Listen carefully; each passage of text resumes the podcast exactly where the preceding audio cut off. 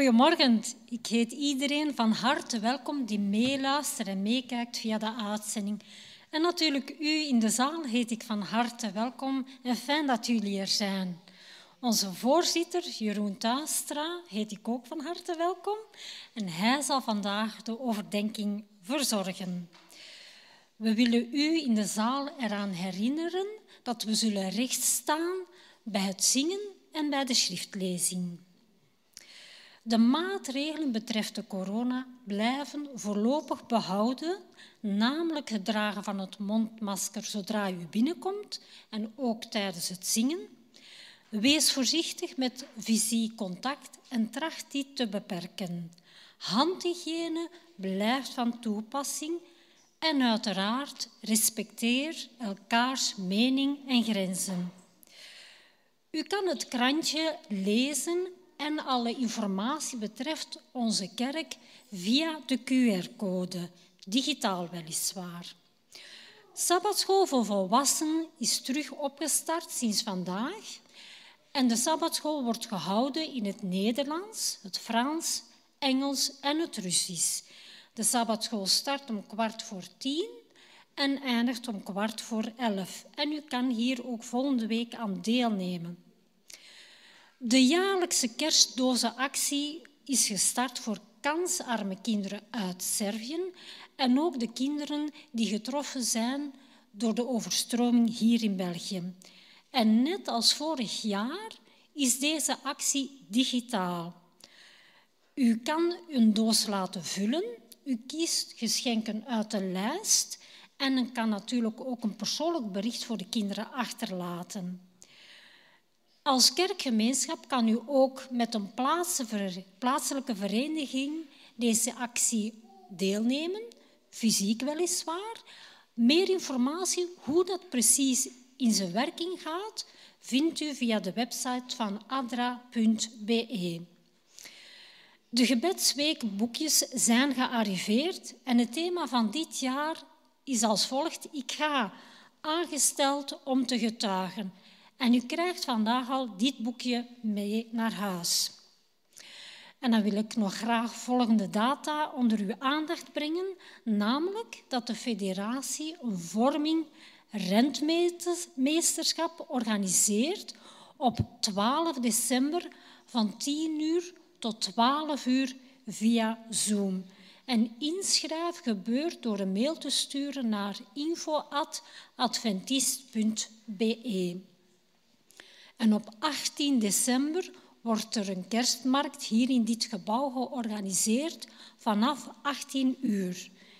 En zoals ik vorige week heb aangegeven, vraagt de jeugdleiding uw hulp om kleine glazen potjes te verzamelen en mee te brengen naar de kerk. En het nieuwe jaar is in aantocht en dat betekent dat de jaarlijkse Bijbelraadselquiz wordt gepland, namelijk op 29 januari in de namiddag. En het is een heel toffe, leerzame quiz. En u kan uw deelname opgeven via Dirk Kools en Timothy Gerums. We hebben ook nog nieuws van onze kerkfamilie, namelijk dat Maria van Nerum vandaag 94 jaar is geworden. We wensen haar een dikke proficiat toe en God zegen. Ja, inderdaad.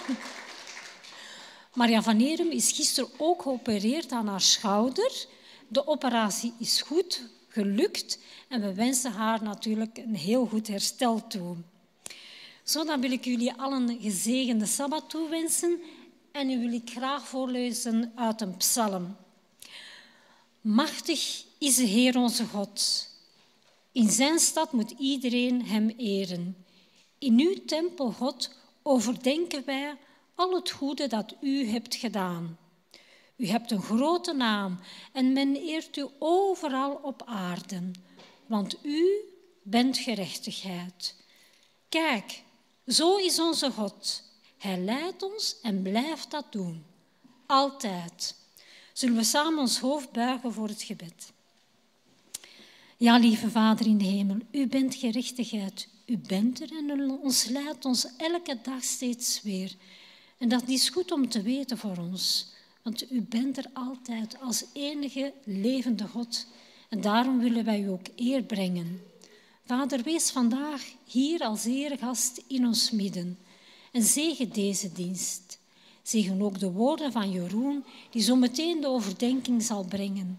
Dat zijn woorden ons mogen verrijken en inzichten geven en dichter bij u brengen. Vader, wij danken u voor al het goede dat u ons hebt gegeven de afgelopen week en ook voor deze Sabbat. Vader, alles wat we hebben gedaan, dragen we aan u op. En wat we niet zo goed hebben gedaan, Vader, vragen wij uw vergeving. Vader, zegen de mensen die het moeilijk hebben. Geef het hen wat ze nodig hebben in lichaam en geest.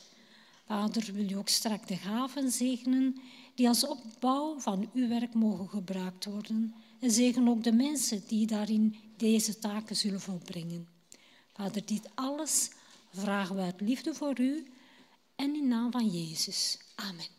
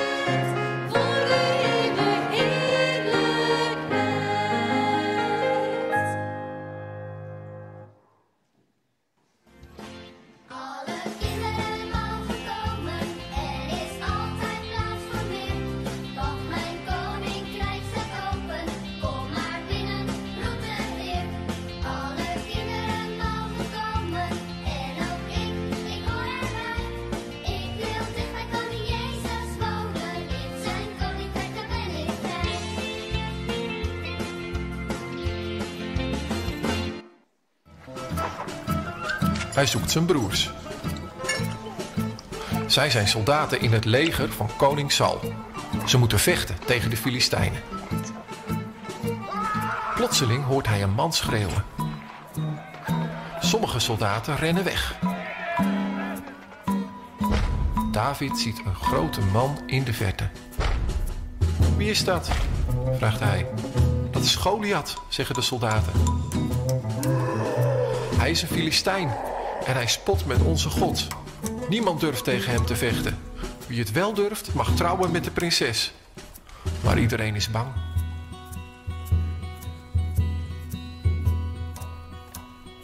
David gaat naar koning Saul.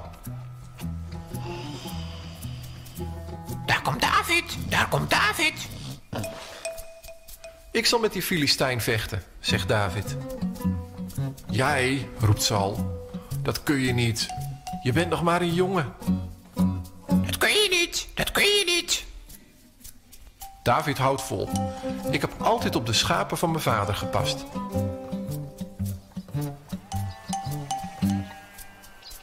Op een dag kwam er een leeuw om een schaapje te pakken.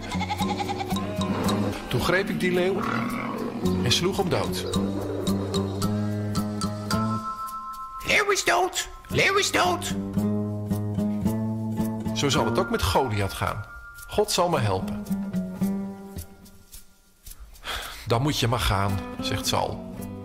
Pas op hoor, pas op hoor. David loopt naar de rivier.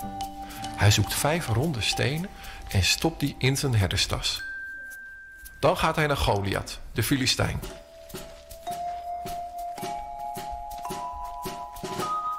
Goliath komt met grote stappen op David af. Kom maar op, brult hij. Dan maak ik je dood. David blijft staan. Jij vertrouwt op je zwaard, zegt hij, maar ik vertrouw op God. Hij zal me helpen om jou te verslaan. Goliath komt nog dichterbij. Vlug legt David een steen in zijn slinger en zwaait. De steen suist door de lucht, recht op Goliaths voorhoofd af. Raak! Goliath valt voorover. De Filistijnen zien dat hun held dood is. Ze worden bang en rennen weg. Het volk van Israël juicht. God heeft hun de overwinning gegeven. David trouwt met de prinses. Vanaf die dag is hij vaak in het paleis. Daar speelt hij op de harp en bedenkt hij prachtige liedjes. Hij zingt vaak over God.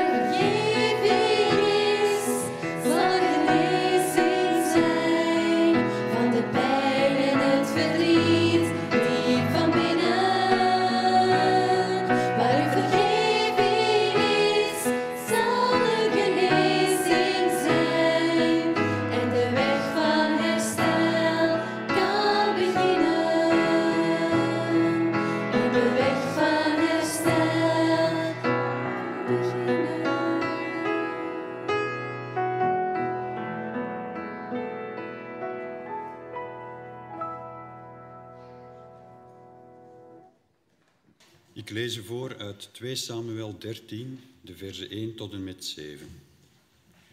Enige tijd later gebeurde het volgende. Absalom, een zoon van David, had een zuster die Tamar heette. Ze was heel mooi. Amnon, de oudste zoon van David, werd verliefd op haar. Maar omdat ze als jong meisje onder streng toezicht stond, zag hij geen kans om haar te benaderen. Hij werd bijna ziek van verlangen naar zijn halfzuster. Nu was Amnon bevriend met zijn neef Jonadab, de zoon van Davids broer, Sima. En deze Jonadab was iemand met veel ervaring. Zeg eens, Amnon, vroeg hij aan de koningszoon, waarom ben je toch al dagenlang zo neerslachtig? Amnon antwoordde, omdat ik verliefd ben op Tamar, de zuster van mijn broer Absalom. Jonadab raadde hem aan, ga op je bed liggen en doe alsof je ziek bent. Wanneer je vader dan naar je komt kijken, moet je tegen hem zeggen, kom Tamar maar komen om me te eten te geven. Als zij hier iets versterkends klaarmaakt, zodat ik het met eigen ogen kan zien, dan zal ik wel eten. Dus ging Amnon op bed liggen en deed hij alsof hij ziek was. Toen de koning naar hem kwam kijken, zag Amnon zei Amnon tegen hem, kom Tamar maar komen en hier twee hartekoeken klaarmaken. Als zij ze me aanreikt, zal ik wel eten. Meteen stuurde David een boodschap naar Tamar. Ga vlug naar Amnon en maak iets versterkends voor hem klaar. Ik lees u voor uit Handelingen 13, vers 21 tot 23. Handelingen 13, vers 21 tot 23. Daarna vroeg het volk om een koning en God gaf hun Saul, de zoon van Kis, een man uit de stam van Benjamin, die veertig jaar regeerde. Toen stootte God hem van de troon en maakte David koning, van wie hij getuigde. In David, de zoon van Isaï, heb ik een man naar mijn hart gevonden, die geheel naar mijn wil zal handelen. En uit Davids nageslacht heeft God overeenkomstig zijn belofte een redder voor Israël voortgebracht, Jezus. De Heer zegen de lezing van zijn woord. Goedemorgen, iedereen. Goed om weer een keer in Antwerpen te zijn, hoewel het wordt nu bijna elke maand dat ik hier sta. Maar het is altijd prettig om hier weer terug te zijn. Ook iedereen die thuis meekijkt, ook hartelijk welkom. Um, vanochtend heb ik een preek die misschien niet de meest opbeurende preek zal zijn. En het is misschien ook de, een preek die misschien niet altijd even goed zal vallen, als in die u misschien wat ongemakkelijk zal maken. Maar goed, niet elke preek moet altijd een leuke preek zijn en niet elke preek moet u altijd het gevoel geven dat het prettig in uw vel zit. Soms moet u ook wel eens nadenken over de preek of moet u zich ook wel eens ongemakkelijk voelen na een preek. Ik heb de titel meegegeven aan de preek, de rampgeschiedenis van koning David. Ik had ook de preektitel mee kunnen geven, de vrouwen van koning David, maar ik dacht dat dit wat meer de geschiedenis zou dekken. Heeft u het wel eens meegemaakt in uw leven? Dat u opkeek naar iemand. U had heel veel respect voor die persoon en op een of andere manier, door wat die persoon heeft gedaan of heeft gezegd, dat die persoon van zijn sokkel is gevallen. Dat u eigenlijk geen respect meer heeft voor de persoon of moeite heeft met de persoon. Dat wel eens overkomen in uw leven? Dus iemand waar u echt naar opkeek, een soort held misschien in uw leven of iets waarvan u dacht, nou die persoon die verlichaamt iets waar ik graag zou willen ambiëren of uh, hoe ik denk dat ik ook zou willen denken. En dat er dan een schandaal of een misplaatste opmerking of een bepaald gedrag wat volledig dat beeld teniet doet. Ik heb het zelf gehad met twee medestudenten waar ik mee studeerde. De een was getrouwd en kon ontzettend goed preken. En iedere keer werd hij ook uitgenodigd op alle jeugdcongressen. Het was in Engeland waar ik studeerde. En op alle jeugdcongressen werd hij uitgenodigd en hij sprak. En het was altijd, als hij sprak, was het betoverend. Het was, je had altijd het gevoel als medestudent, die ook uiteindelijk moest gaan preken, had je altijd het gevoel van, nou, dit, dat niveau kan ik, kan ik nooit bereiken. Op dat moment was er een, eh, een, een hitliedje, of een, een, een liedje wat ontzettend uh, in de top 10 stond. I Believe I Can Fly. En hij wist dat op een of andere manier in zijn preek te verweven. En toen ik dat hoorde, terwijl ik door de zaal liep, ik moest ergens anders heen, en ik hoorde hem dat zeggen, dacht ik, ja verdorie. Dat ik daar niet aan had gedacht, om dat liedje te kunnen gebruiken in een preek. Zoveel aanzien had ik hem voor hem. Er was nog een andere student, een studente, die had een stem van goud. Echt als je een Disney-film zou zien uh, en je hoort iemand zingen, en zijn vrouwelijke, zij kon zo prachtig zingen. En allebei waren ze ook zo geestelijk en spiritueel. Dus iedereen keek ook naar ze op. Totdat helaas aan het einde van uh, de studie erachter kwamen dat de twee een affaire hadden, een huwelijk werd opgebroken. En in één keer viel die twee personen voor mij van hun sokkel. Ik was nog jong, dus uh, ik had nog mensen op een sokkel staan. Maar die waren er vanaf gevallen. En dan voel je je soms ook stom. Dan denk je, ik heb zo opgekeken naar die persoon, ik heb zo gedacht, dat wilde ik ook ambiëren en dan gebeurt er dit. Menselijk, zeg je dan. En bij mensen die je gewoon in het normale leven tegenkomt, ach ja, kunnen we iets anders verwachten dat mensen zo nu en dan niet aan onze hoge verwachtingen voldoen? Uiteraard.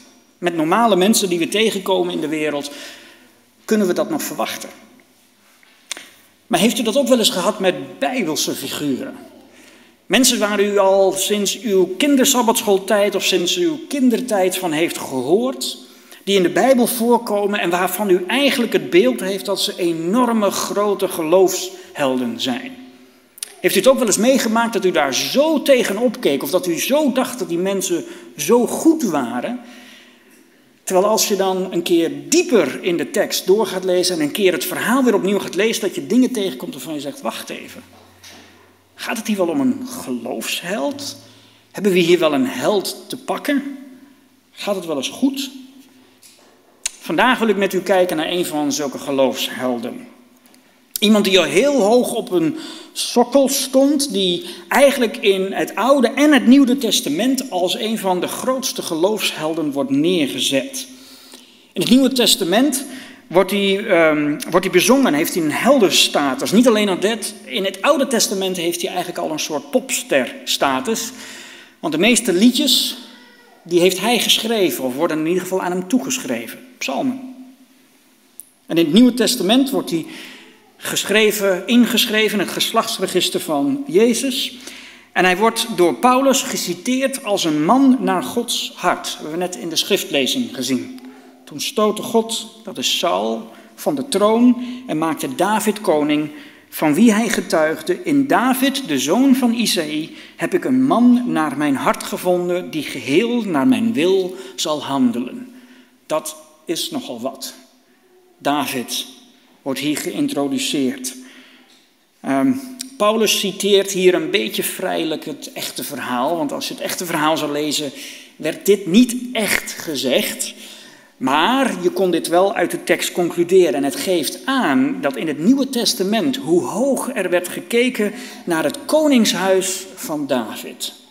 David, die grote held, en we hebben het in het kinderverhaal gezien, die grote Filistijn wist te verslaan, die zo op het geloof gebaseerd is, al die psalmen die hij geschreven heeft. Hij was waarlijk, zoals Paulus dan zegt, een zoon of een man naar Gods hart. Toch moet ik heel eerlijk bekennen dat als we de verhalen van David gaan lezen, en vooral als je de verhalen leest in 1 en 2 Samuel, dat er niet veel overblijft van die heldenstatus van David. Dat er nogal veel schuurt aan het idee dat wij hebben van, van David. En ik moet ook eerlijk bekennen, een hoop beelden van mijn geloofsheden, als ik Heel persoonlijk wordt mijn beelden van geloofshelden heb ik meegekregen vanuit de kindersabbatschool. Heb ik meegekregen van, terwijl mijn ouders vroeger nog de kinderbijbel lazen net voor het eten. Daar kreeg ik het beeld bij mee van wat die helden waren. En dat waren altijd echt, echte helden. Het waren mooie verhalen. Het waren heldendaden die werden gedaan. Geloofsdaden die werden gedaan. Net zoals hier in het kinderverhaal ook weer werd gezegd. Maar als je dan als volwassene een keer de tijd neemt om het verhaal werkelijk te gaan lezen, dan kom je wel elementen tegen waar je behoorlijk moeite mee gaat krijgen. Die nogal wat gaan veranderen in je beeld van die koning. van die David. Om een paar voorbeelden te geven. Hij vermoordt onschuldige mensen, geregeld. Niet één keer, meerdere keren. Boodschappers die met het nieuws komen dat zijn vijanden zijn omgebracht, laat hij ter dood brengen. Hij pleegt overspel, heel beroemd verhaal natuurlijk met Bathsheba, en laat haar man sneuvelen op het slagveld. Hij sluit onschuldige vrouwen op die verkracht zijn geweest. Hij rooft en maakt verschillende bevolkingen, vrouwen en kinderen, tot slaven. Dit zijn enkele van de elementen die je tegenkomt als je het verhaal in 2 Samuel gaat lezen over koning David. En ik benadruk hier even dat je het in 2 Samuel tegenkomt. Want de parallelverhalen zijn ook te vinden in Koningen, maar daar zijn ze een beetje opgepoetst. In die verhalen, Koningen is later geschreven dan Samuel, de boeken van Samuel. In die verhalen worden ze wat opgepoetst en worden deze moeilijke elementen verzwegen. Kom je ze niet echt tegen. Uh, Bijbelwetenschappers weten niet goed waarom. Waarom 2 Samuel zo open is over alle schandalen en wandaden die zijn gepleegd, terwijl Koningen daar eigenlijk een beetje over zwijgt. Ze denken dat ten tijde dat Samuel, het boek Samuel werd geschreven, dat het populair was om je koning een soort kracht toe te schrijven, dat hij meedogenloos was.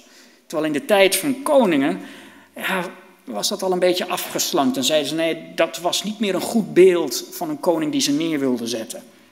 En kom je in het Nieuwe Testament terecht, spreken we er helemaal niet meer over over de wandaden. Dan is David de grote held, het beste koningshuis wat er ooit heeft bestaan en dat tot een eeuwigheid zal doorgaan door Jezus Christus. Prachtig. Toch wil ik vanochtend met u gaan kijken naar een gedeelte van de hofhoudingsverhalen. Dus niet zozeer alle oorlogsverhalen die de koning David heeft gevoerd, maar meer hoe het eraan toe gaat in zijn eigen hofhouding, in zijn eigen huis. En alle schandalen die daar dan plaatsvinden. Daar wil ik vanochtend dus naar kijken. En die worden wel door bijbelwetenschappers de rampgeschiedenis van David genoemd. En als u ze doorleest, zult u ook ontdekken dat er heel wat gebeurt aan de hofhouding van David. En voor de jongeren onder ons, Game of Thrones is er niets bij in die verhalen.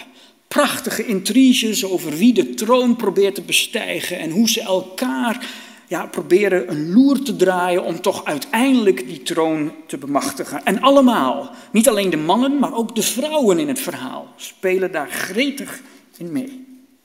Maar toch, ik wil vanochtend naar een verhaal kijken van koning David, waar het behoorlijk wat scheef gaat. En waar eigenlijk de vrouwen er enorm slecht van afkomen. David is koning en heeft net een enorm groot gebied in handen gekregen. Rabba, de hoofdstad van de Ammonieten, is ingenomen door zijn trouwe volgeling, zijn neef Joab. En deze Joab, een legeraanvoerder, is hondsloyaal naar David toe. Maakt niet uit wat David doet, Joab zal altijd aan zijn zijde staan. Al krijg je zo nu en dan het gevoel in het verhaal dat hij dat niet is. Aan het eind van elk verhaal staat Joab vierkant achter koning David. En als Joab de stad Rabba probeert in te nemen, hij staat op het punt om de stad in te nemen, bedenkt hij zich, en zo loyaal is hij, bedenkt hij zich dat het beter is dat koning David de stad inneemt, want anders zal die overwinning op naam van Joab komen staan. Dus Joab stuurt snel een boodschapper naar koning David toe: Kom naar deze stad, neem het in, zodat deze stad op jouw naam komt te staan. Zo loyaal is Joab. En dan, koning David neemt deze Rabba-stad in en dan gaat hij daar even huishouden. Ook de inwoners van de stad voerde hij weg. We kunnen dat lezen in 2 Samuel, 2 Samuel 12, vers 31. Ook de inwoners van de stad voerde hij weg. En hij stelde hen te werk in de steengroeven en steenbakkerijen. Hetzelfde deed hij met alle andere steden van Ammon. Daarna keerde David met het hele leger naar Jeruzalem terug. Laat het even op u inwerken wat hier wordt gedaan. Hier wordt precies hetzelfde gedaan als wat de Israëlieten werd aangedaan toen ze in Egypte woonden. Ze werden slaven gemaakt. Alle inwoners, de Ammonieten, zijn aardsvijanden, vrouwen, kinderen, wie er ook maar tegen was gekomen, werd aangesteld om te werken in de steengroeven en de steenbakkerijen. Een man naar Gods hart. Ach ja, als je dan een van je aardsvijanden inneemt, doe het dan goed, zou je kunnen zeggen. Zorg er dan voor dat die aardsvijand ook niet later meer kan opstaan en weer tegen je ten strijde kan, uh, kan trekken. Maak iedereen dan maar tot slaaf. En dit was nog niet eens het ergste wat er gebeurt in het boek Samuel. De oorlog tegen de Ammonieten is beslecht. En dat is een oorlog die een tijdje doorgaat in het boek. En ja, dan heb je nu tijd om je eens te concentreren op wat interne zaken. Nu dus de externe problematiek is opgelost, de oorlog met de Ammonieten, kunnen we ons dus eindelijk concentreren in de verhaal op wat er nou gebeurt intern aan het hof van koning David. En voordat u denkt dat ik vergeten ben om mijn series over vrouwen in de Bijbel verder te zetten, dat was ik niet vergeten.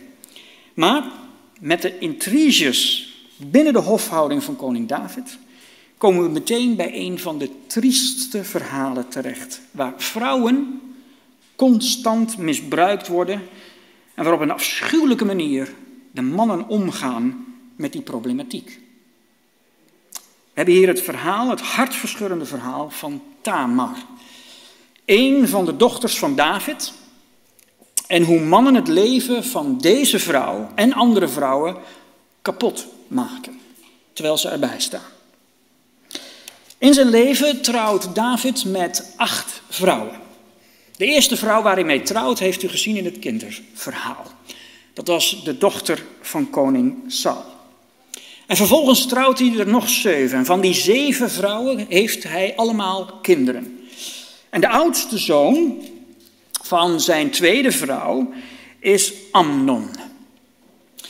En u moet iets weten over, en vooral in de Bijbel, over huishoudens die samengesteld worden door polygame huwelijken. Want hier hebben we ermee te maken. Een koning David die meerdere vrouwen heeft. Acht in totaal. En het is niet de eerste keer dat we dit tegenkomen in de Bijbel. De hele Bijbel is doorspekt met polygame huwelijken. En het begint al, al heel vroeg bij onze aartsvaderen. En een kenmerk in polygame huwelijken, en vooral waar er een behoorlijke hoeveelheid geld in omgaat, of bezit in omgaat, of macht, zoals in dit geval een koningshuis, is er altijd een interne strijd over wie de erfenis zal bemachten, of het grootste gedeelte van de erfenis zal bemachten. Welke zoon van welke vrouw zal het krijgen? Want je zal denken, de oudste, dus van de eerste vrouw, die zal alles bemachtigen. Maar als je goed kijkt door de geschiedenis in de Bijbel van al deze huwelijken, dan zie je dat het vaak niet de oudste zoon is. Maar dat het vaak of de jongste is van ook de jongste vrouw, of dat het een andere is. En dus is er een strijd gaande, continu, politieke strijd. Er is geen rust. Er is een continue strijd gaande in het huishouden. Wie zal de opvolging krijgen? En je denkt in dit verhaal, het is Amnon, de oudste zoon. Die heeft recht op de troon.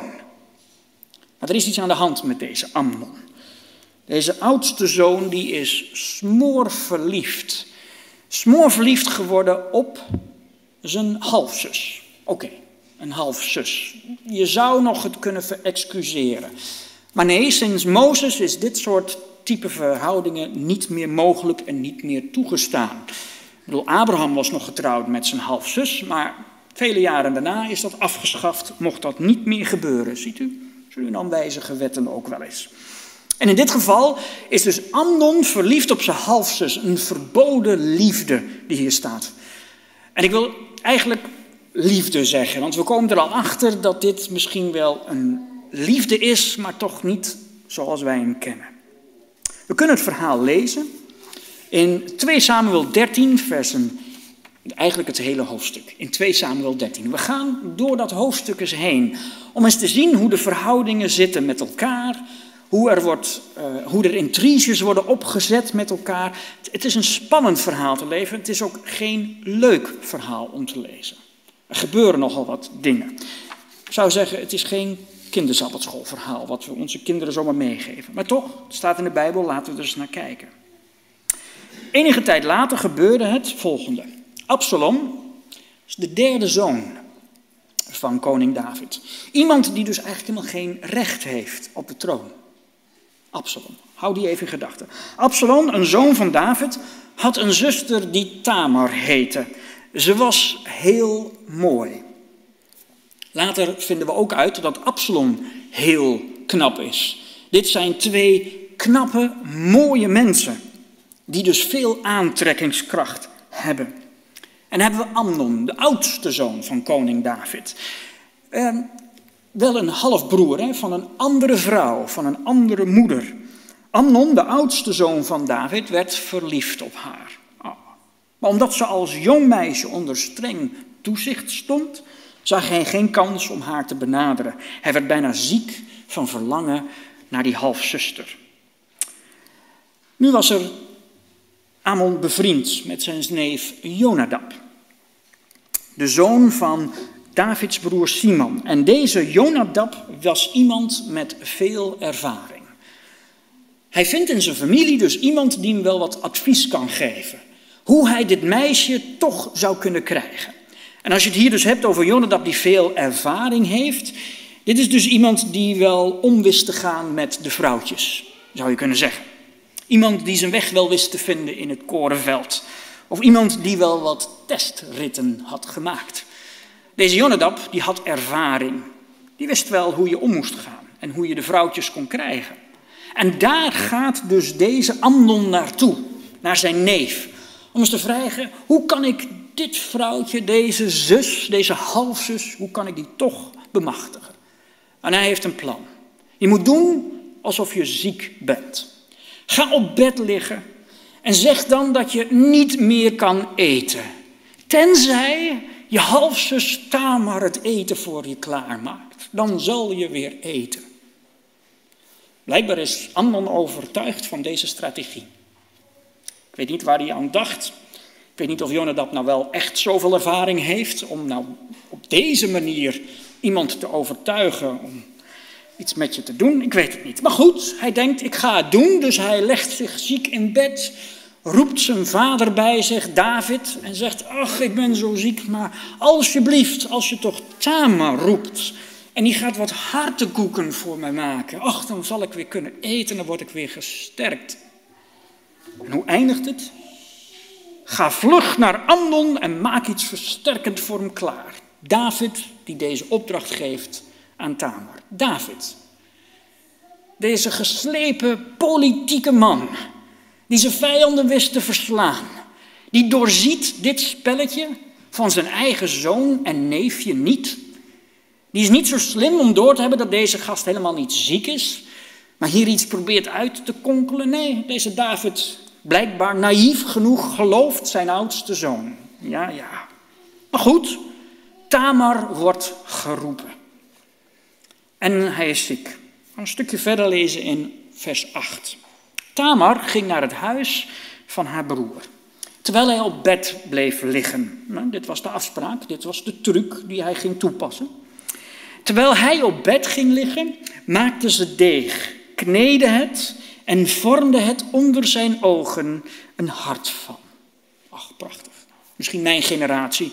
Maar hier komt dit hele, deze pottenbakkerscène uit Ghost een beetje naar voren. Met Patrick Swayze en Demi Moore. Hè. Zij aan het kneden op dat deeg en daar harten van maken. Terwijl die andere man daar ziekelijk in bed ligt en zo verlangend naar haar kijkt. Je voelt de spanning ook wel een beetje. En om heel eerlijk te zijn, je voelt de seksuele spanning. En daar hebben we moeite mee, hè? als we de Bijbel lezen. Dat we misschien wat spanningen oppikken en zeggen, nee, nee, nee, maar dit is een heilig boek. In een heilig boek komen dit soort verhalen toch niet voor? Jawel. Dat gevoel wordt bij u ook getriggerd. Wat is hier aan de hand? En je voelt ook een bepaalde afschuw. Want je hebt hier niet te maken met twee mensen die gewoon met elkaar kunnen trouwen. Je hebt hier te maken met een broer en een halfzus. Er zit iets, iets vreemds. Maar het verhaal weet ons toch zo mee te nemen dat we het wel voelen, die spanning. En toen ze de hartenkoeken gebakken had, zette ze de schaal klaar. Maar ach, Amnon weigerde te eten. Hij stuurde alle aanwezigen weg. En zei toen tegen haar: Breng de koeken hier en reik ze met je eigen handen aan. Ach, je ziet het al. Hij probeert haar te verleiden. Tamar bracht de hartekoeken naar het slaapvertrek van haar broer Amnon en hield ze voor hem. En dan slaat het op. Deze spanning waar je misschien nog het kunt verexcuseren. Ze zijn verliefd. Ze, ja, hij probeert haar te verleiden. Maar dan slaat het om. Maar hij greep haar beet en zei tegen haar: Kom, mijn zusje, bij me liggen. Ze smeekte: Nee, mijn broer, laat dat, raak me niet aan. Zoiets schandelijks doet men in Israël toch niet? Denk eens aan mij, wat moet er van me worden als ik van mijn eer word beroofd? En denk eens aan jezelf. Heel Israël zal schande van je spreken. Praat toch eerst met de koning en zal je mijn hand heus niet weigeren. Ze kronkelt in alle wegen om toch maar ervoor te zorgen dat wat er gaat gebeuren niet gaat gebeuren. Ze zegt, denk toch even na wat je met mij doet. Denk toch even na wat er in heel Israël wordt gezegd over jou. Dit is een schandaad wat niet in Israël plaatsvindt. En dan probeert ze als laatste redding nog te zeggen: vraag maar aan je vader, aan de koning. Hij zal je mijn hand heus niet weigeren. Ja, echt niet. Koning David zal die hand niet weigeren. Hij zal gaan tegen alle wetten van Mozes in, toch maar te laten trouwen. Maar hij wilde niet luisteren naar wat ze zei. Hij overweldigde haar en onteerde haar en verkrachtte haar. Dit is het verhaal. Amnon krijgt wat hij wilt. Hij grijpt zijn halfzusje en verkracht haar. Niet nadenkend over de gevolgen, niet nadenkend over zijn eigen naam, maar compleet overvallen door lust gaat hij voor haar. Hij botviert zijn lust op zijn halfzusje. Hij verkracht haar. En dan zou je denken, hier is het verhaal mee afgelopen. Nee, natuurlijk niet. Het verhaal gaat door. Eigenlijk wat er hierna allemaal gaat gebeuren, zie je hoe heel langzamer een bepaalde verzieking in het hofhouding van David heeft plaatsgevonden. Meteen welde er een diepe haat op in Amnon. Hij haatte haar zelfs meer dan hij eerst lief had gehad. Had hij haar lief gehad? Had hij haar werkelijk lief gehad?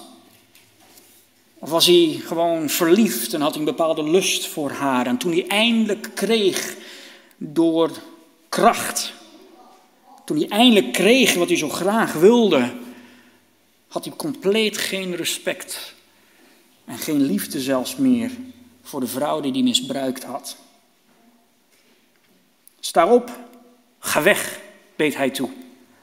Ze wordt een tweede keer vernederd, diep vernederd. Maar dat kun je niet doen met me. Stuur me niet weg. Het is nog erger dan al het andere dat je hebt aangedaan.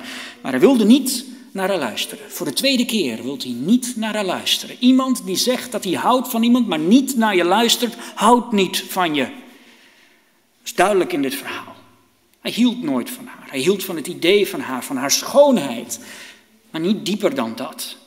Want elke keer als ze tegen hem sprak en elke keer spreekt zij de waarheid. Zij is degene die hier het juiste zegt. Luistert hij niet. Want hij houdt niet van haar.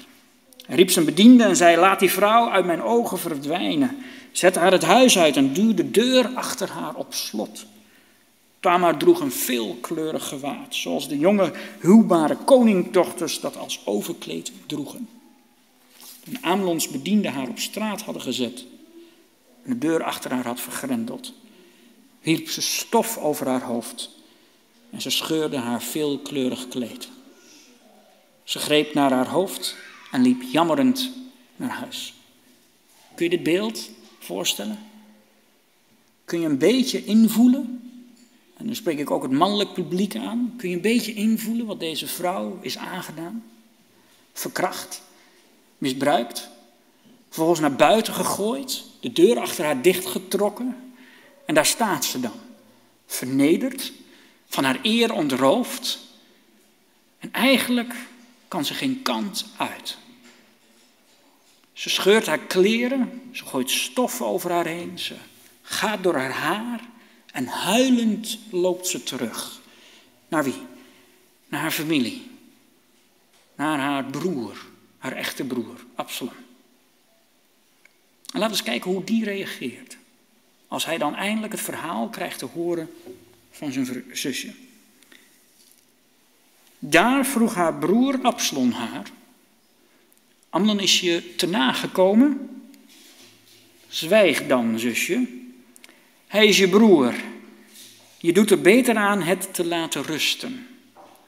Tamar bleef voortaan bij haar broer Absalom, van het leven afgesneden. Toen koning David hoorde wat er gebeurd was, werd hij woedend. Absalom sprak er niet met Amnon over. Er viel tussen hen geen onvertogen woord, maar hij haatte hem omdat hij zijn zuster Tamar had onteerd. Deze vrouw, huilend, in diepe rouw, wetend dat ze geen enkele kant meer op kan, komt thuis bij haar broer. De enige die haar misschien nog kan beschermen, die er nog kan zijn voor haar. En wat zegt Absalom tegen? Ze heeft door wat er is gebeurd. Ze hoeft het niet eens te vertellen, zou ze kunnen zeggen. Zwijg dan, zusje. Het is beter dat je er niet over praat. Het is je broer. Laat het maar rusten. Het verhaal dat hij zich hier ontvouwt in de Bijbel, heeft eigenlijk typische stappen die te maken hebben met misbruik, seksueel misbruik. Typische stappen waar misbruikers doorheen gaan, waar het slachtoffer doorheen gaat en een typische reactie vaak van de mensen om het slachtoffer heen. Jammer genoeg. Hoewel de tekst eindigt met dat David boos was, woedend was, en dat natuurlijk uiteraard Absalom Amnon haatte, zijn hier een heleboel boze mannen in dit verhaal, maar niemand die zich echt zorgen maakt over het slachtoffer. Over de vrouw die voor de rest van het leven wordt afgesneden. Het leven stopte voor haar. Tamar kon gewoon thuis blijven, niks doen. Een soort weduwe terwijl ze nog nooit getrouwd was geweest. En misschien haar enige seksuele ervaring was een verkrachting door haar halfbroer die nog vrolijk rondliep. Door iemand die nog misschien zelfs de troon kon bestijgen. Maar het zijn typische fases waar ze doorheen gaan. Dat eerste gedeelte waar Amnon zegt verliefd te zijn. En uiteindelijk dan haar te pakken krijgt, haar verkracht, haar misbruikt. En dan geen respect meer heeft. Dit is typisch wat er bij misbruikers in, mis, in, eh, in relaties waar er misbruik is, typisch aanwezig. Je vindt dit, deze cyclus, vind je in verhalen van vaders die hun dochters misbruiken. Of predikanten die hun vrouwelijke leden misbruiken. Priesters die kinderen misbruiken. Mannelijke of vrouwelijke bazen die hun werknemers misbruiken. Ooms of opa's die hun nichtjes of kleinkinderen gebruiken, misbruiken. Hebben allemaal hetzelfde idee. Velen zeiden, ja maar ik deed het omdat ik van haar hield. Ik hou van, priesters die zeggen, ik hou van kinderen, ik hou van ze. Allemaal hetzelfde wat Amnon zijn. Ik was verliefd op hen. Ik was verliefd op haar. En allemaal hebben ze dezelfde reacties als ze één keer krijgen wat ze zo graag achter waren, waar ze zoveel lust voor hadden. En dan plotseling slaat het om in haat, zoals bij Amnon ook. En je zou denken, dat is toch raar als je van iemand houdt. Nee, in misbruiksituaties is dat heel gebruikelijk. De misbruiker verliest al het respect voor het slachtoffer. Het gaat zelfs zo, gaat door met misbruik omdat het slachtoffer toch niets meer waard is. De vader gaat door met het misbruiken van de dochter omdat de dochter toch wel een slet is, zoals het wordt genoemd. Ze heeft volkomen het respect van de vader verloren en gaat dus door. Terecht absoluut niet. Absoluut niet. Niemand ooit geen enkele vrouw vraagt er ooit om om verkracht te worden. Geen één. En hoe Tamar reageert is ook normaal. Is niet vreemd. Je zou kunnen zeggen, maar ze geeft hem een beetje hoop. Want ze zegt nog tegen hem: Weet je, eh, als je aan mijn vader vraagt, dan komt het allemaal goed. Natuurlijk schiet er een hoop door haar hoofd heen, waarvan ze zegt: Mijn hele toekomst valt nu in duigen. Hoe kan ik nog redden wat ik redden kan? En vaak met veel slachtoffers is dat of een complete verlamming. Niet reageren, niks zeggen. En het lijkt zelfs vaak voor de misbruiker dat dat een soort groene ticket is om door te gaan. Maar ze zei geen nee. Ze vocht niet tegen. Ze had niks tegen gedaan. Ze deed mee. Ze vond het leuk, wordt er soms zelfs gezegd. En dus mocht het maar. Dus mocht er maar gegrepen worden. Vrouwen vragen er nooit om, om misbruikt of verkracht te worden. Onthoud dat, nooit en te nimmer. Zelfs als ze een kort rokje dragen. Zelfs als ze een laag, laag decolleté hebben. Zelfs als ze te veel gedronken hebben. Zelfs als ze flirten met je. Vragen ze nooit, maar dan ook nooit om verkracht te worden. En dat idee, misschien voor het vrouwelijke publiek onder ons, is dat raar om dat zo te denken. Onder het mannelijk publiek wil het nog wel eens voorkomen, ja, maar ja, als je je zo kleedt en als je daar gaat lopen, ja, dan vraag je er ook wel een beetje om. Je vraagt er nooit om. Kleding vraagt er niet om, om verkracht te worden, om misbruikt te worden. Een dochtertje, een kleinkind, vraagt er nooit om, hoe ze ook gekleed is. Hoe knap ze ook is. Misschien zo knap als Tamar. Niemand, maar dan ook niemand, vraagt erom. Amnon had het recht niet en er is geen enkel excuus voor zijn gedrag. Er is nooit een excuus voor seksueel misbruik. Nooit een excuus. Maar het erge is in het verhaal hoe de mensen rondom het slachtoffer reageren. En je zult het niet geloven, dit is vaak de regel. Het is vaak de regel dat als een slachtoffer komt bij de mensen om hen heen, familie, komt bij de moeder, komt bij iemand anders die ze in vertrouwen hebben genomen, vaak de eerste reactie, en ook in de kerk is dit het geval, de eerste reactie is, zwijg maar. Het is beter dat je niets zegt. Het is beter dat je er niet van spreekt. Het is of de vader die een hoog aanzien is, of de angst dat de vader misschien ook wel boos en zijn, zijn, zijn, zijn kwaadheid zal botvieren. Maar ook het respect dat er op een of andere manier is. Maar die predikant of die priester, die kennen we toch zo goed. Nee, dit kan niet gebeurd zijn. Nee, we kunnen dat niet kapot maken. We kunnen deze gemeenschap niet kapot maken. We kunnen dit gezin niet kapot maken. Houd je mond maar. En het eerste vaak waar we ook nog eens mee komen is, vergeef hem maar. Als dan uiteindelijk de misbruiker het slachtoffer ziet, dan wordt er aangedrongen bij het slachtoffer vergeven. Vergeven, vergeef het maar. En waarom? Niet voor het nut van het slachtoffer. En zeker niet, wel misschien wel voor het nut van de misbruiker, maar vooral voor ons. Om ons weer goed te laten voelen. En dat is het vaak. Wij die eromheen staan, we hebben zoveel moeite met dit soort verhalen. Dat we eigenlijk het slachtoffer uit oog verliezen. Het is toch eigenlijk triest dat dat gebeurt met slachtoffers van seksueel misbruik. En dan zult u denken, misschien doen we het beter in de kerk. Nee, we doen het niet beter in de kerk. Helaas doen we het niet beter in de kerk. We vinden dit onderwerp zo moeilijk en zo zwaar. En ik begrijp heel goed dat een preek als dit niet makkelijk is.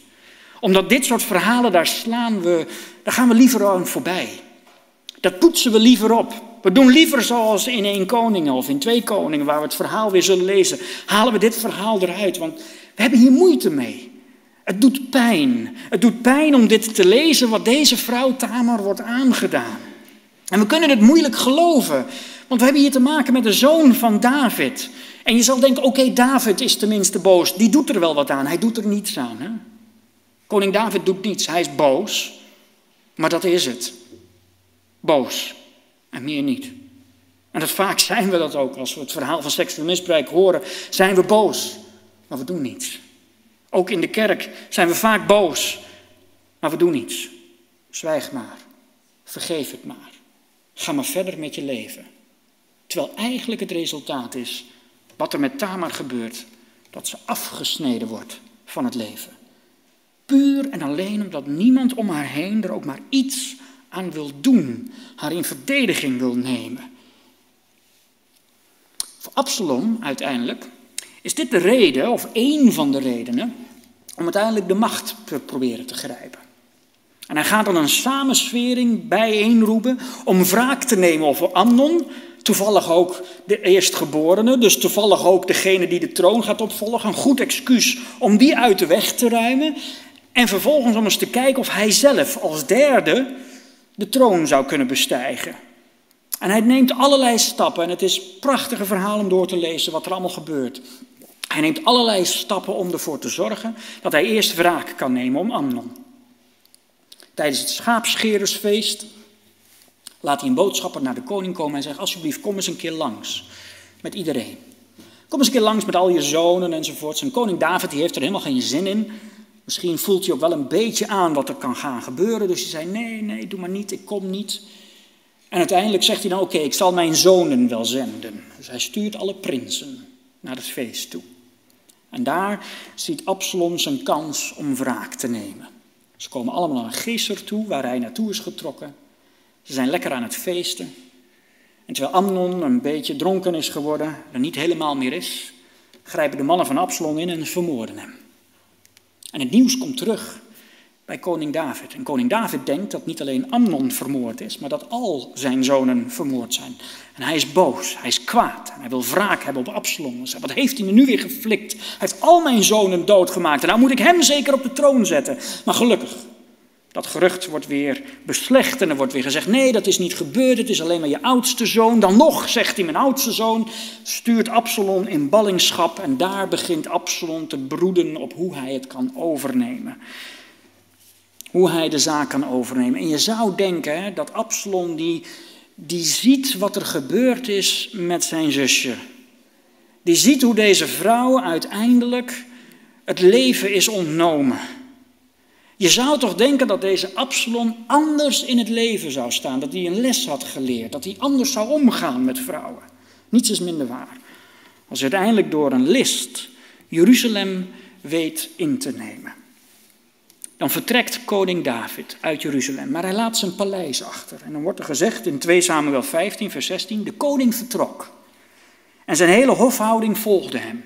Hij liet echter tien van zijn bijvrouwen achter om, om voor het huis te zorgen. U leest het goed. Hij had acht vrouwen, daarbij heeft hij nog een keer tien bijvrouwen. En het zijn er niet alleen maar tien. Hij laat tien van zijn bijvrouwen achter. Tien van zijn bijvrouwen moeten ervoor zorgen dat zijn paleis op orde blijft, dat het goed blijft.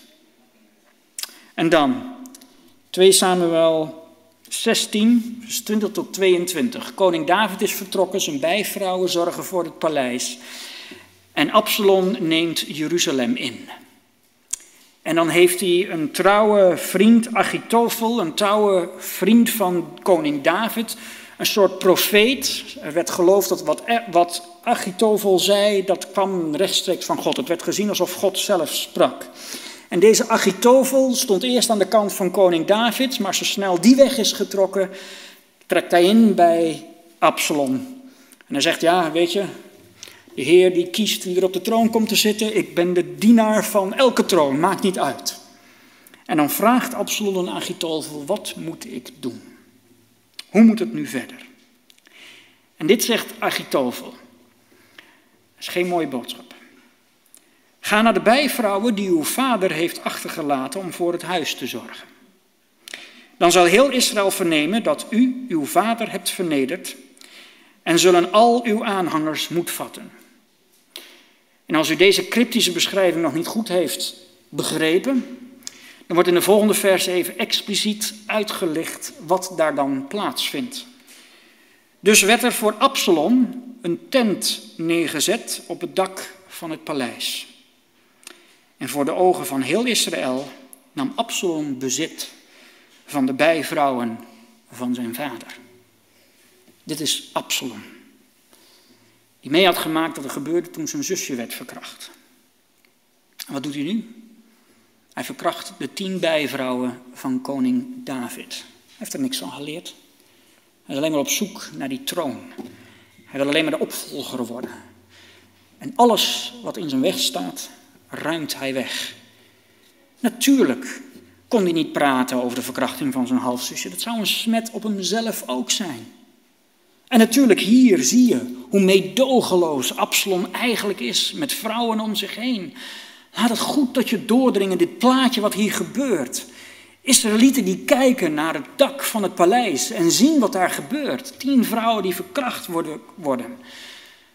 En dan zou je denken, want uiteindelijk sterft Absalom. En ook een verschrikkelijke dood en misschien wel hopelijk terecht. De wraakgevoelens die je krijgt in deze, in deze verhalen, die worden goed bevredigd. Absalom uiteindelijk, als hij in een groot gevecht is, komt met zijn lange haren, want hij was knap, kwam met zijn lange haren in een boom te hangen.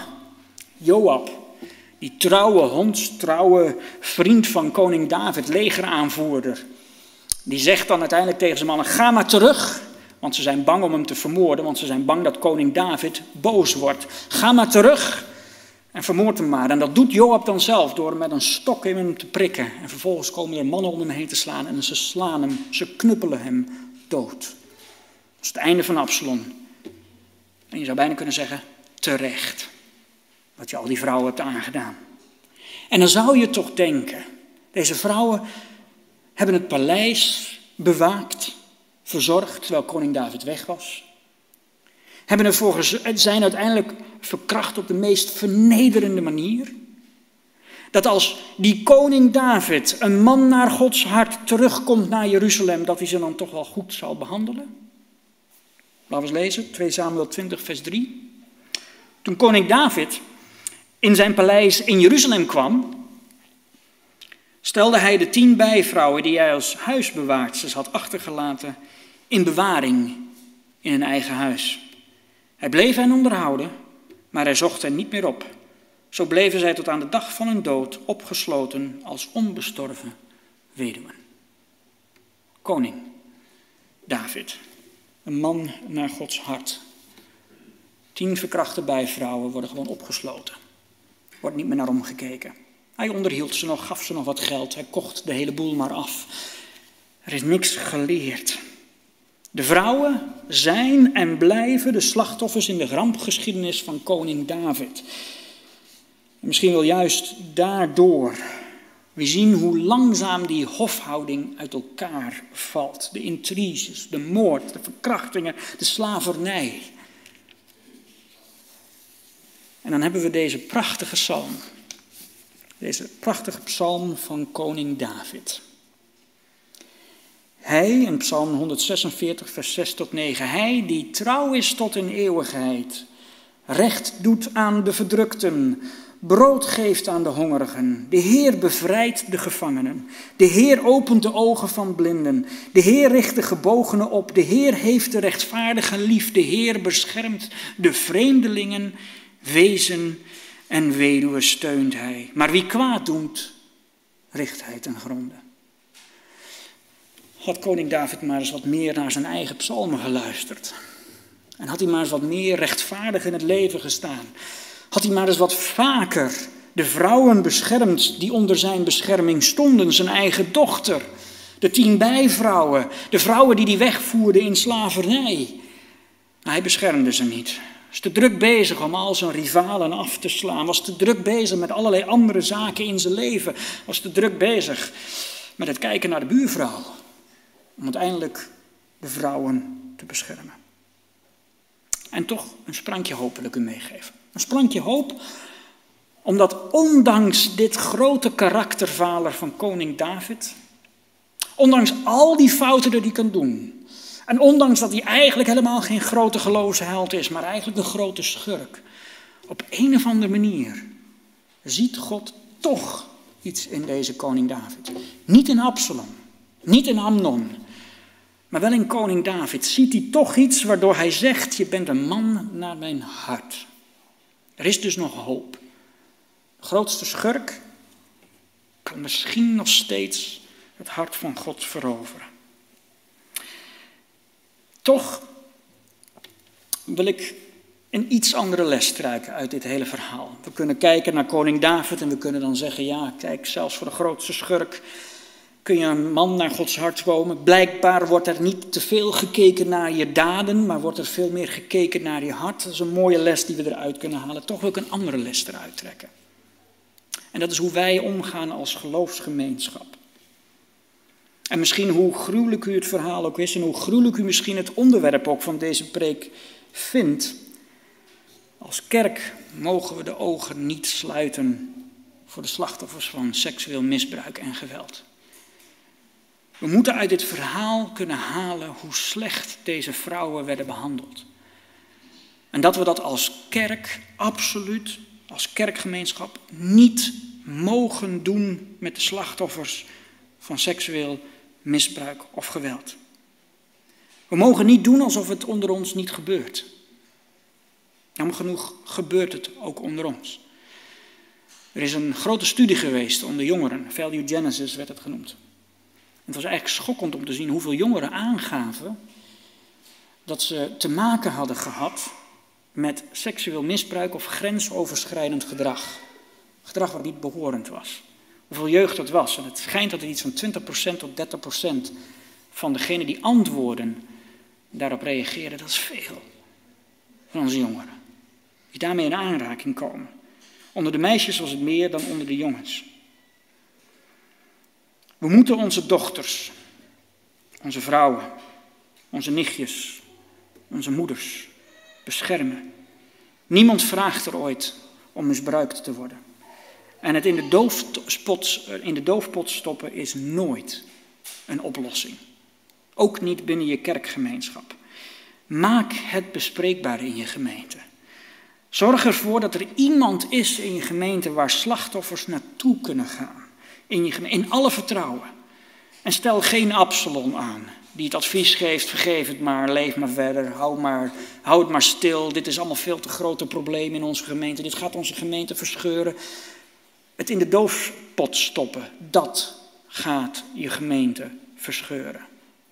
Er niet mee omgaan, niet aan de kant van het slachtoffer gaat staan, verscheurt uiteindelijk je gemeenschap, je gemeente. Want er is een geheim wat geheim moet worden gehouden. En als er een groot geheim geheim moet worden gehouden, dat levert spanningen op, keuzes die gemaakt worden. Het is de ondergang van je kerk als je dit toelaat. Zorg ervoor dat er een veilige omgeving is in je kindersabbatschool. Onderricht, train en onderwijs elkaar in wat ongezonde en gezonde situaties zijn. Vergoeilijk het gedrag van een dader nooit. En geef nooit het slachtoffer de schuld. Ga nooit zoeken naar, ja, maar je hebt er misschien wel om gevraagd. ja, het was niet zo handig dat je je daar bevond op dat moment. Of ja, misschien had je toch een iets langer rokje aan moeten doen. Of ja, ja met zoveel make-up en die oorbellen, ja, nou vraag je. Nee, niet. Ga nooit op zoek naar de schuld van het slachtoffer. En misschien de eerste stap die we met ons allemaal moeten nemen, is dat vrouwen zijn niet minder dan ons. Mannen heb ik het dan over. Daar begint het al. Vrouwen zijn gelijk. We moeten ze niet behandelen als bezit. Het zijn geen objecten om te gebruiken of om naar te lusten of naar achterna te fluiten. Om ze een soort seksueel object van te maken. Nee. Vrouwen zijn gelijk aan ons. Het zijn mensen waar je naar moet luisteren. In het verhaal van Tamar is het twee keer dat de vrouw spreekt en het is twee keer dat de man niet luistert. Hij zag Tamar niet als haar, zijn gelijke. Hij zag Tamar niet als iets waar hij echt verliefd en de rest van zijn leven liefdevol mee wilde omgaan. Nee, hij zag Tamar als een lustobject. Iets waar je niet naar hoeft te luisteren, maar iets wat je wil, dat kun je gewoon nemen en grijpen. En ze moet maar haar mond houden. En de eerste stap die wij zelfs als kerk moeten maken is dat vrouwen zijn geen objecten, zijn geen bezit van u. Vrouwen zijn gelijk in alle opzichten. Behandel ze dus ook gelijk. Zo snel je zegt dat vrouwen minder zijn of anders zijn op een bepaalde manier, dat ze minder zijn dan de man, dat is de eerste stap waarbij je vergoeilijkt dat een vrouw ook misbruikt kan worden. Het is de eerste stap waarvan je misschien gaat zeggen, ja, maar ja, weet je, vrouwen die verleiden ons mannen. Hè? Wij zijn, you know, we zijn wel sterk, maar op dat opzicht zijn we zwak. Dat is hun fout. Nee, absoluut niet doen. Als kerk moet je daarmee omgaan. De vrouw mag nee zeggen. Binnen het huwelijk, in de kerk, in de samenleving mag ze nee zeggen. De vrouw mag zelf kiezen en heeft het recht over haar eigen lichaam. Haar lichaam is geen bezit van de man, net zoals het andersom niet het bezit is. De vrouw is niemands bezit. Wie kwaad doet, richtheid en gronden, zoals de psalm eindigde. Uiteindelijk overleven beide Absalom en Amnon het niet. En uiteindelijk wordt de jongste van allen de opvolger van koning David, Salomo. Maar het huis van David vindt nooit echte rust meer. Het gaat misschien de geschiedenis in, of het wordt misschien een beetje witgewassen, dat het het grootste koningshuis is wat er ooit is en dat zijn troon tot eeuwigheid zal staan. Allemaal prachtige profetieën die verwijzen naar Jezus Christus toe, maar als je kijkt naar zijn eigen geschiedenis, het huis van David kende geen rust. Er was continue strijd en onrust en moord en verkrachting in zijn huishouden. Laten we hier een les uittrekken en een gemeenschap zijn waar onze vrouwen, onze weduwen en onze wezen veilig zijn. Voor God de Vader is alleen dit reine, zuivere godsdienst. Weduwen en wezen bijstaan in hun nood. En je in acht nemen voor de wereld en onberispelijk blijven. Amen.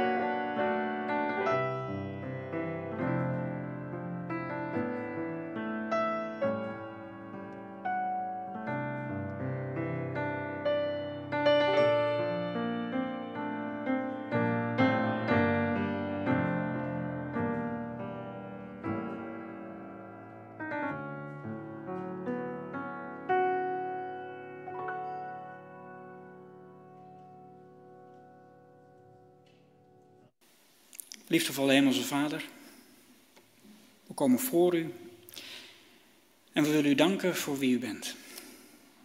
Dat u een God bent die geïnteresseerd is in ons leven en samen met ons onderweg wil gaan. Die deel wil zijn van ons leven. Maar Heer God, u weet ook dat soms er dingen gebeuren in het leven die enorme gevolgen hebben voor dat pad wat we bewandelen. En God, we hebben vanochtend een verhaal gelezen, een verschrikkelijk verhaal over wat er gebeurt met Tamar. En Heer God, er zijn veel vrouwen die hier doorheen gaan. Er zijn veel vrouwen die dat hebben meegemaakt. En Heer God, ik wil u vragen om met hen te zijn, dicht nabij. Heer God, geef hen het gevoel van eigenwaarde, van waarde. Geef hen het gevoel dat ze er nooit om hebben gevraagd. Wees met hen dat ze steun mogen vinden in mensen om hen heen, die er werkelijk voor hen zijn. Heer God, mogen wij een gemeenschap zijn, waar als er dit soort dingen gebeuren, er veilige havens zijn waar mensen naartoe kunnen komen met hun verhaal. Maar bovenal dat ze gehoord worden en niet opnieuw vernederd worden of getwijfeld worden of opnieuw beschuldigd worden. Heer God, mogen we een plek zijn waar mensen die dit soort levensveranderende ervaringen hebben meegemaakt, zich thuis mogen voelen veilig mogen voelen. En God wilt u ons inspireren hoe we onze geloofsgemeenschap een betere plek mogen maken voor onze dochters, onze kleindochters, onze nichtjes. Dat ze zich hier veilig mogen voelen, geen angst en mogen zijn wie ze zijn. Heer God, wilt u ook met ons mannen zijn? Heer God, we hebben kracht gekregen, soms een sterke stem, soms fysiek krachtiger. Heer God, help ons om daar goed mee om te kunnen gaan. Om dat niet te gebruiken tot geweld, maar dat juist te gebruiken tot bescherming. Heer God, mogen we oog hebben voor wat er gebeurt om ons heen. Mogen we ogen hebben voor wat er gebeurt met de anderen in de gemeente. En Heer God, wees ook met de mannen die misschien ook dit soort levensveranderende ervaring hebben gehad. Het is niet alleen voorbehouden aan vrouwen, maar dit gebeurt en overkomt ook mannen. Wees met ze. Geef ze het gevoel dat ze ook waarde hebben. En God mag ook die plek in deze gemeente bestaan waar ze gehoord worden en waar ze zich veilig thuis voelen. Nee, God mogen we een verantwoorde gemeente worden. Die niet dingen in de doofpot stoppen. Die niet dingen onder het tapijt vegen. Maar die dingen bespreekbaar maken. En die de slachtoffers beschermen. Heer God, mogen we die opdracht van die ware godsdienst. Waar we weduwen en wezen moeten beschermen. Mogen we die echt ter harte nemen. We zijn geen ware godsdienst, we zijn geen ware kerk als we onze weduwen en wezen niet kunnen beschermen, als we de zwakkeren in onze omgeving niet kunnen beschermen, als we onze meisjes, onze dochters, onze kleindochters, onze nichtjes, onze neefjes niet kunnen beschermen. Heer God, geef ons daartoe de kracht, hoe moeilijk dat ook kan zijn. En vergeef ons de momenten dat we dat niet hebben gedaan dat we er niet waren voor deze mensen. En mogen we het beter doen in de toekomst. Mogen we leren en mogen we verder gaan als gemeente waar we dit soort plekken kunnen creëren. Wees zo met ons tijdens deze Sabbatdag. Wilt u ons zegenen? Wilt u ons het gevoel geven dat u dicht nabij bent? Met alle problemen, niet alleen deze problemen, maar alle problemen die ons, op ons pad komen. We weten dat u naar ons luistert en dat u met ons onderweg gaat. Wees dan zo met ons. Dat vragen we u. En mogen we dat doen onder de zegen van de Heer.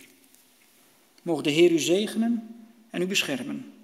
Mogen de Heer het licht van zijn gelaat over u doen schijnen en u genadig zijn. Mogen de Heer u zijn gelaat toewenden en u vrede geven. Amen.